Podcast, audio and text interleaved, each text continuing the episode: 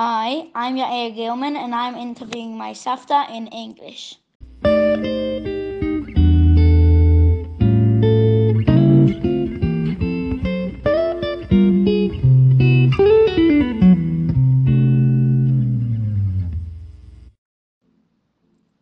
Hi Savta, is it okay if I ask you a few questions about your childhood?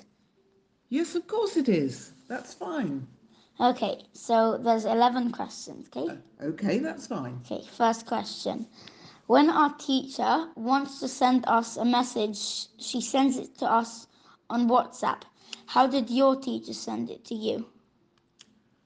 When I was a child, there was no WhatsApp, and many of my friends n- didn't even have a telephone in their house. So the teacher would give us the message in the classroom and would trust us to take it home. Second question. What games did you play with your friends in uh, the afternoon? We sometimes rode on our bicycles. We played ball games. We might have played in the summer, maybe tennis or something like that. And we played games, very simple games like jacks um, and, and maybe board games. Third question. What did you do in your free time at home? Well, I lived on a farm, so very often I would go after school and help with the animals. I enjoyed doing that. I played the piano, I had to do my music practice, and I loved to read. Whenever I had spare time, I would read. Fourth question. How did you meet up with your friends? I would have had to ask my dad to take me into town, and we would have arranged in advance where we were going to meet in the town. Fifth question. How did you contact your friends without a phone?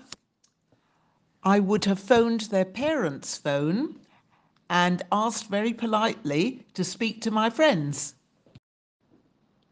Sixth question. What is your favorite food?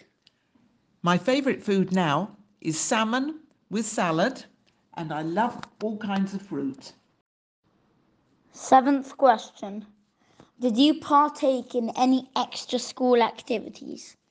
Yes, every Wednesday I used to go to piano lessons. Eighth question. How did you listen to songs? I listened to songs on the radio and later on on the television or on the record player. Ninth question. How did you blow your nose?